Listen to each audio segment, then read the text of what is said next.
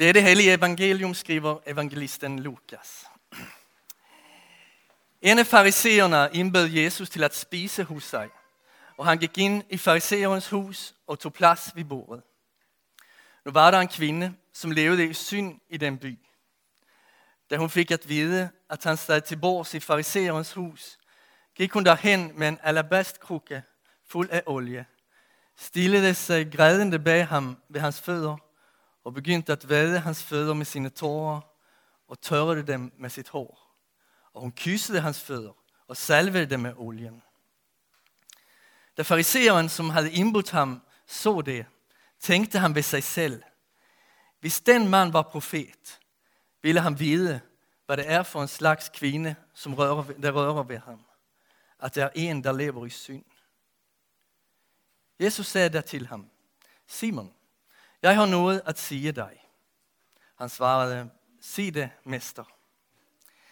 En pengeudlåner havde to skyldnere. Den ene skyldte 500 denarer, den anden 50. Da det ikke havde noget at betale med, eftergav han dem begge deres gæld. Hvem af dem vil så elske ham mest? mest? Simon svarede, den der eftergav mest, vil jeg tro. Jesus sagde, det har du ret i. Og vendt mod kvinden sagde han til Simon, ser du denne kvinde? Jeg kom ind i dit hus. Du gav mig ikke vand til mine fødder. Men hun har vadet mine fødder med sine tårer og tørret dem med sit hår. Du gav mig ikke nogen kys. Men hun er blevet ved med at kysse mine fødder, siden jeg kom herind. Du salvede ikke mit hoved med salve, men hun har salvet mine fødder med olie. Derfor siger jeg dig, hendes mange synder er tilgivet, siden hun har elsket meget. Den, der kun får lidt tilgivet, elsker kun lidt. Og han sagde til hende, dine synder er tilgivet. Det andre ved bordet begyndte at tænke ved sig selv, hvem er han, som endda tilgiver synder? Men han sagde til kvinden, din tro har frelst dig. Gå bort med fred. Amen. Lad os bede. Herre, vi takker dig for, at du er her for at møde os hver især. Tak for dit inspirerede ord, som giver nyt liv til vores sjæle. Vi beder, at din helligånd må forklare ordet tydeligt for os, og bevise os om det sandhed, og skabe tro i vores hjerter. Amen.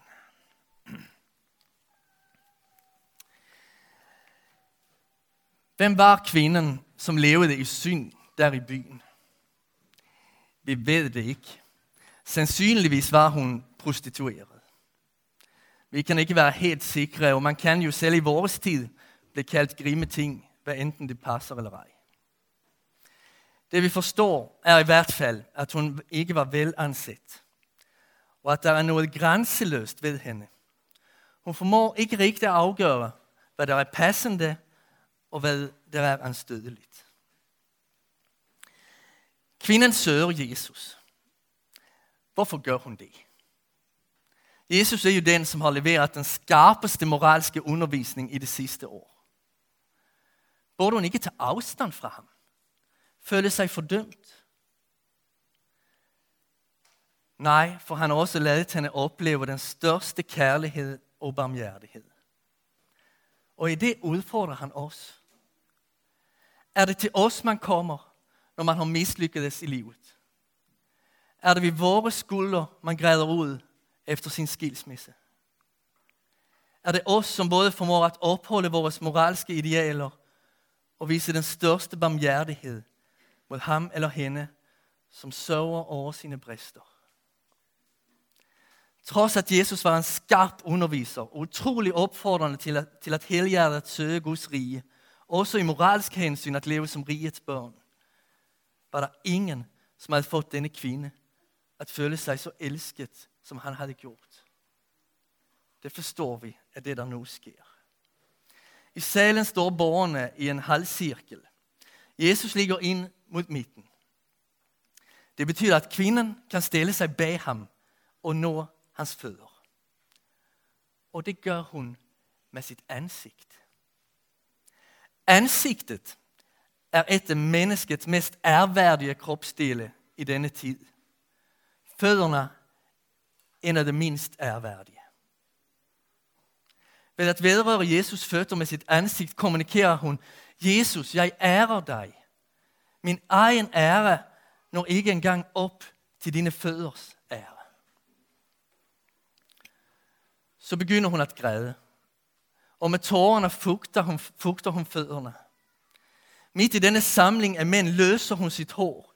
En i denne kultur intim, næsten nærmest erotisk gestus. Og tørrer dem. Som om det ikke var nok, begynder hun at kysse hans fødder på en selvymydende måde. Og salve dem med en balsam, som egentlig, egentlig var værdig hans hoved.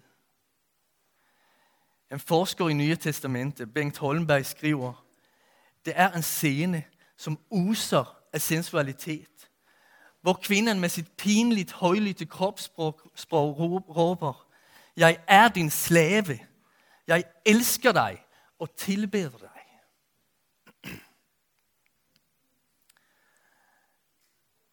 Hvordan ville du have, hvordan ville du have det, hvis du var Jesus i den situation? Forestil dig, forestil dig, at du sad og spiste sammen med en skare ansatte mænd og kvinder, hvor flere af dem var ret kritiske til dig på forvejen. Og inde på restauranten kommer en, som begynder at erklære sin kærlighed til dig på den mest grænseløse måde. Jeg tror, at du ville skamme dig. Så hvordan har Jesus det? Han har det udmærket. Men skammer han sig ikke? Nej, ikke et spor. De fleste af os skammer os for alt muligt. Over vores krop eller enkelte kropsdele. Over vores forældre eller børn. Over at vi ikke er bedre til at lave mad. Over at vi har en gammel bil. Over at vi har for mange ting. Over vores kajtethed over følelser vi har, eller tanker vi tænker, over vores skrøbelige helse, over at vi mangler et arbejde, over ting vi sagt eller gjort, over det vi ikke formår, men synes at vi burde klare.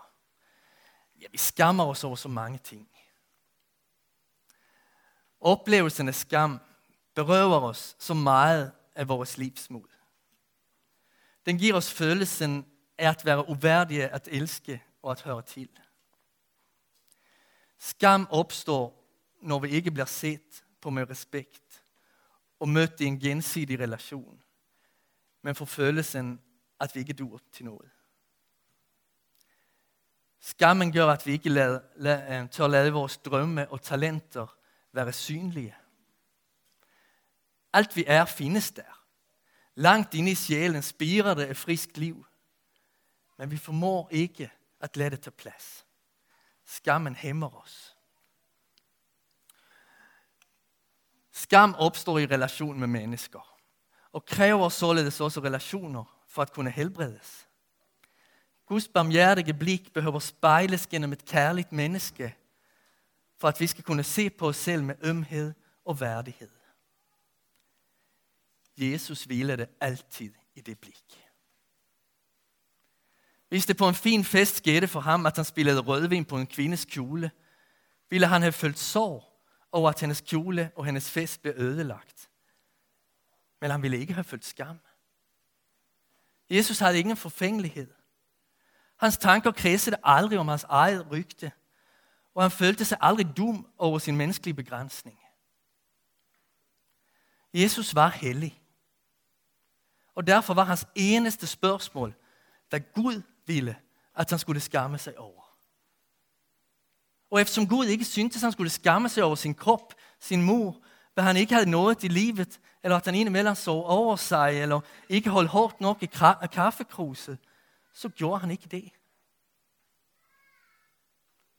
Denne, denne dag skammer han sig overhovedet ikke over, at en kvinde elsker ham så passioneret og så grænseløst. Han ser hendes hjerte for ham. Og det er det eneste, der betyder noget. Dette bliver til en opfordring, også til os i dag.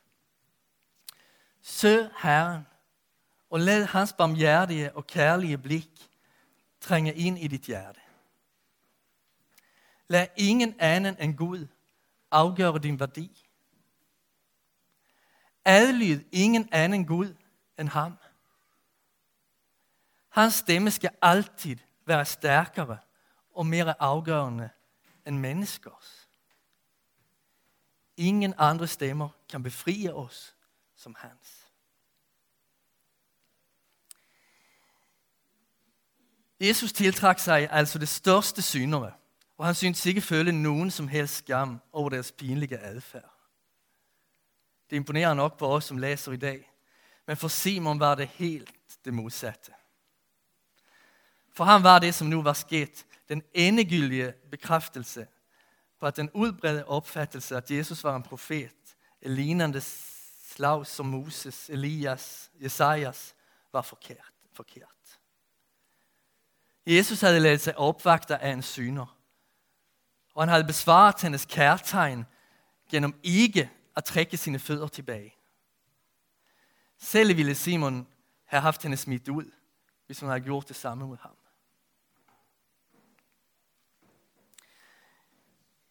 Jesus besvarer det tanker med lignelsen om de to skyldnere. Den ene var skyldig en pengeudlåner, en årsløn. Den anden en god månedsløn. Det fik begge sin gæld eftergivet. Det sagde sig selv, hvem af dem, der ville elske pengeudlåneren mest. mest. Den, der er skyldig en årsløn, her i Jesus lignelse, eh, er kvinden. Hun har tidligere mødt Jesus og forstået, at hos ham er der tilgivelse for hendes alt for mange synder. Nu har hun, uden at sige et ord, men gennem sin handling, vist både, at hun fortrød den måde, hun havde levet sit liv på, og hvor højt den pris, hun satte på Jesus og hans kærlighed. Jesus siger, hendes mange synder er tilgivet, siden hun har elsket meget. Den, der kun får lidt tilgivet, elsker kun lidt. Hvor stort et håb rummer ikke det ord. Der er meget, der er gået galt i vores liv. De fleste af os kunne nævne mennesker, som vi har såret. Tilfælde, hvor vi sagde ufornuftige og ukærlige ord. Fejhed og mangel på interesse, interesse over for andres problemer. Brister i vores kristne liv og vidnesbyrd. Nu siger Jesus, alt dette kan vendes til, største, til større kærlighed. Han siger, kom til mig med dine syner og til kortekommelser. Jo mere du har at komme med, desto større vil du opleve befrielsen og at alt er blevet tilgivet. Og desto mere vil du således kunne elske. Din mørke fortid kan vendes til en god og meningsfuld fremtid. Er det ikke et utroligt budskab? Årfulde er så meget håb Al din synd, alt ondt, hvad du har gjort, tænkt og sagt, kan gennem tilgivelsen fra Kristus vendes til større kærlighed til Gud. I Jesus lignelse er Simon den, der behøver få lidt tilgivet. Spørgsmålet er bare, om han selv ser, at han faktisk også har noget, som han behøver bekende. Der er en fortælling fra ørkenfædrene om en munk, der skabte irritation i klostret, hvor han boede. Når de andre arbejdede, hvilede han mod, sig mod sin spade.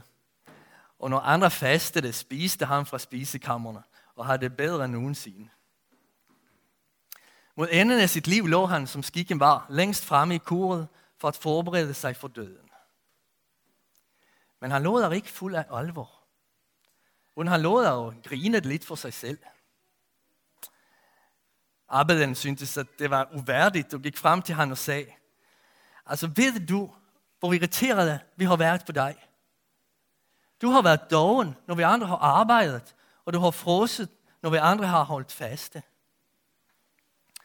Da svarede munken, ja, det ved jeg godt, men jeg har tilgivet jer. Og med et godt grin gik han ind i evigheden. Den her dogne munk havde set det andres selvretfærdighed og besluttet sig for, at han, skulle, han, han ville afsløre den. Han ville vise disse gode brødre, hvor meget irritation og vrede og bitterhed, der faktisk var i deres hjerter. Jeg håber jeg, håber ikke, jeg har fået det kaldt fra Gud. Det ville være lidt hårdt for os andre, tror jeg. Men uh, sådan så han på det.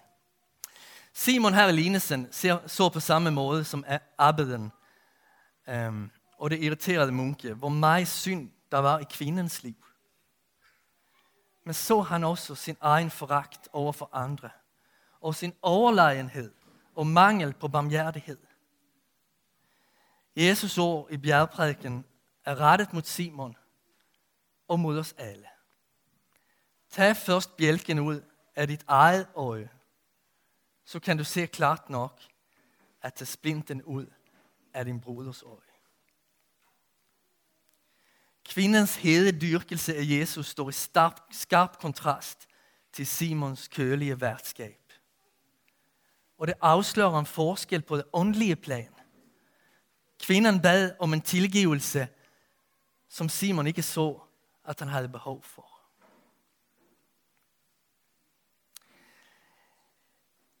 Et spørgsmål har vi tilbage, og det bliver her stillet af gæsterne.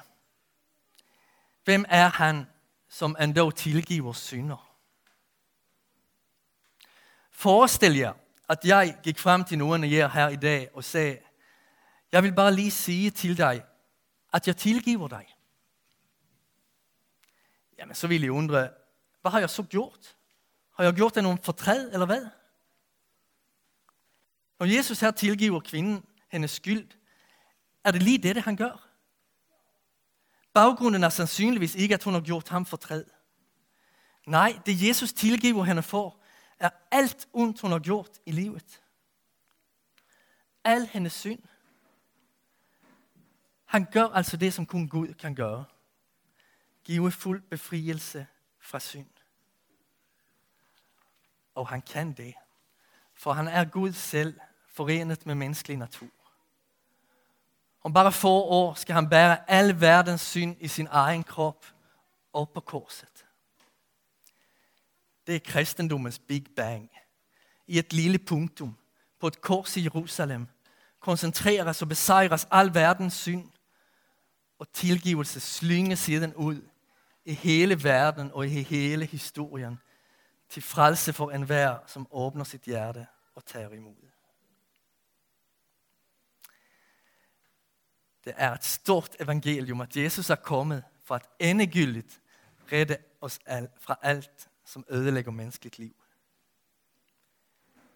Men det gør det også så meget mere hjerteskærende at læse om Simon.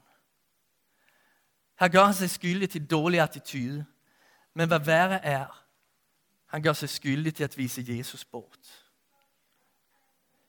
Det er ikke til Simon, Jesus vender sig og siger, din tro har frelst dig. Gå bort med fred. Det er til kvinden, som havde levet i synd. Hun fik tage imod det største, det allerstørste et menneske kan få i livet. Frelse og fred. Lad os ikke gøre som Simon tage anstød og vise Jesus bort. Lad os i stedet åbne os, når Jesus i dag kommer til os for at tilbyde os det samme, som han tilbød kvinden. Din tro har frelst dig, udtalte han. I epistelen for denne søndag fra Romerbrevet 10 læser vi, Troen kommer altså af det, der høres, og det, der høres, kommer i kraft af Kristi ord. Altså, når vi lytter til prædiken i bøn om Helligåndens nærvær, skaber Herren tro på Kristus i vores hjerter og styrker den tro, vi allerede har.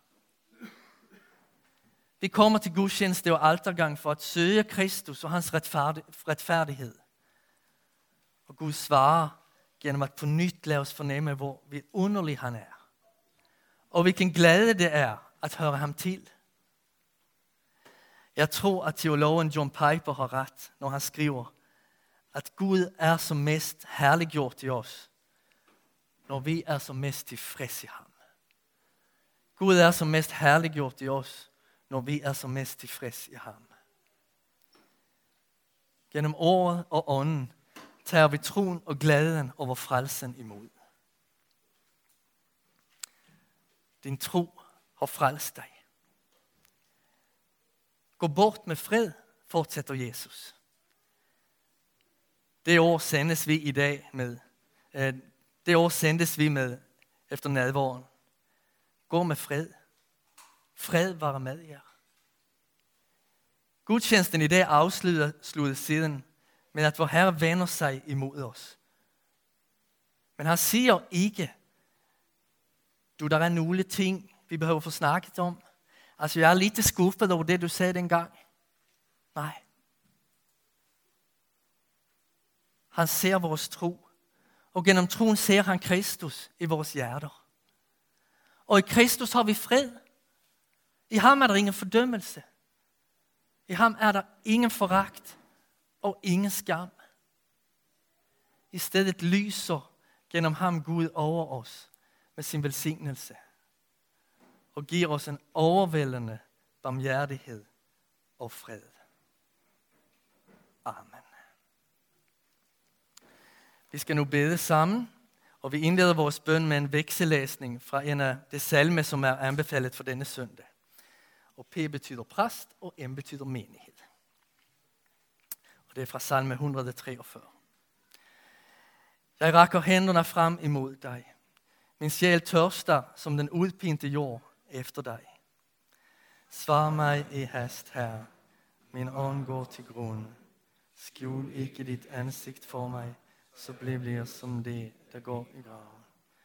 Forkynd mig din godhed hver morgen, for jeg stoler på dig.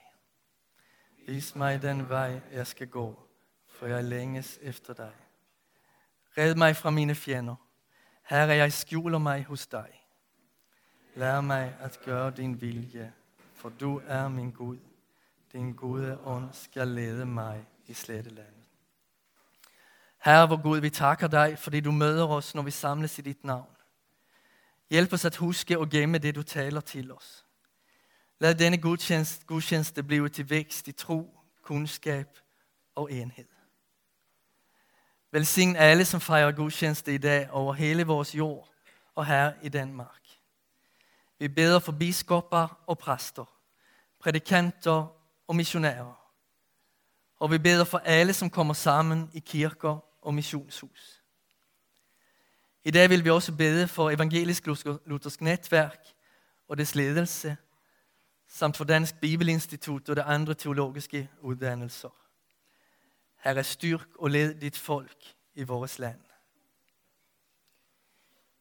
Vi beder for dem, som lider, for krigens ofre, for det fattige, det ensomme og fortvivlede, for de syge, for det tvivlende, og for dem, som ingen anden beder for.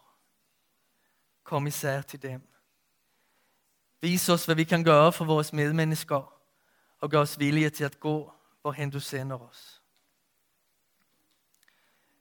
Velsign dem, som leder og styrer i Folketinget og i Bornholms Kommune. Giv dem kraft, glæde og visdom i at få sine opgaver. Vi beder for os i Bornholmerkirken. Lad os sammen vokse i vores tro på dig og i kærlighed til dig og hinanden. Vær med menighedsledelsen og menighedstjenerne. Børnemedarbejder Thomas K. Pedersen og mig som menighedens nye præst. Velsign også vores børn og unge især. Bliv deres bedste ven i livet. Hjælp os voksne at se det unge og opmuntre dem. Led os i den kommende uges bøn og arbejde. Lad os leve til din ære og i taknemmelighed over din godhed mod os.